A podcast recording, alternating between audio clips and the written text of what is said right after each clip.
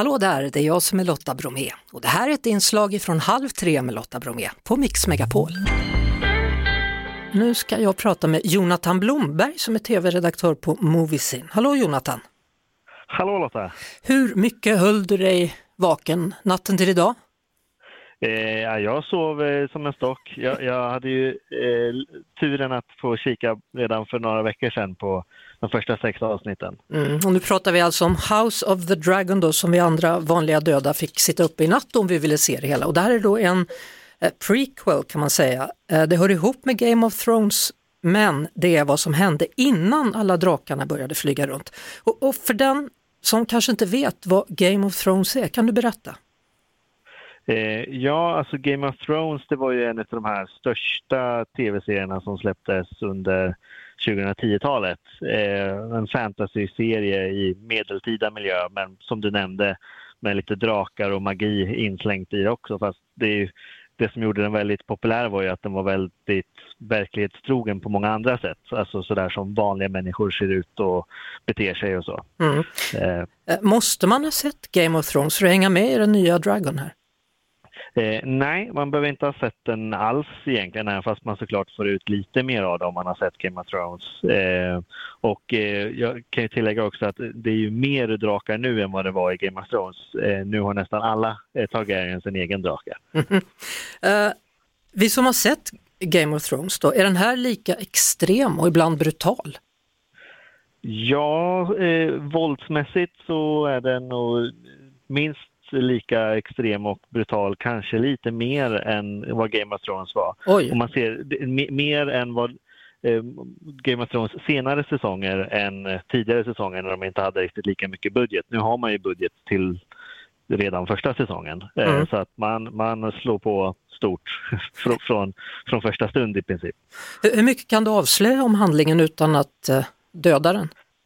Eh, det jag kan säga är ju att eh, den här serien kretsar ju mer kring eh, bara Targaryen-familjen, alltså den här familjen som eh, har styrt i den här eh, världen, eller det här landet eh, under väldigt lång tid. Och de har styrt nu under en tid av fred, ganska lång fred för att familjen har vuxit sig stor.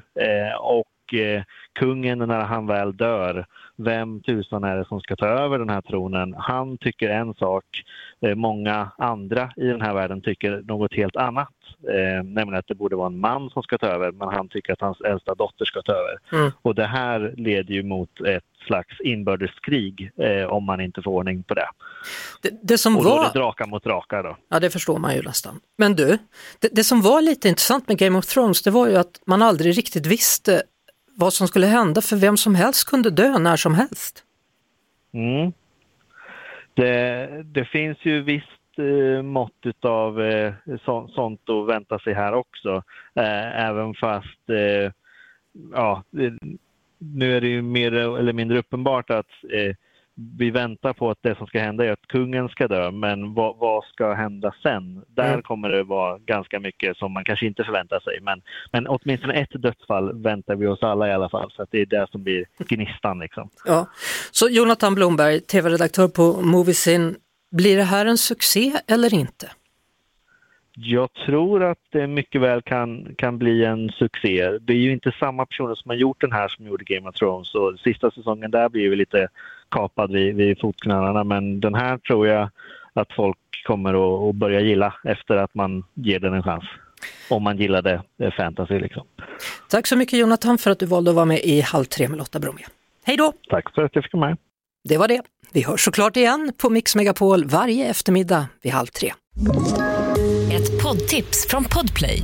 I fallen jag aldrig glömmer djupdyker Hasse Aro i arbetet bakom några av Sveriges mest uppseendeväckande brottsutredningar. Går vi in med hemlig telefonavlyssning och, och då upplever vi att vi får en total förändring av hans beteende. Vad är det som händer nu? Vem är det som läcker? Och så säger han att jag är kriminell, jag har varit kriminell i hela mitt liv men att mörda ett barn, där går min gräns. Nya säsongen av Fallen jag aldrig glömmer på Podplay.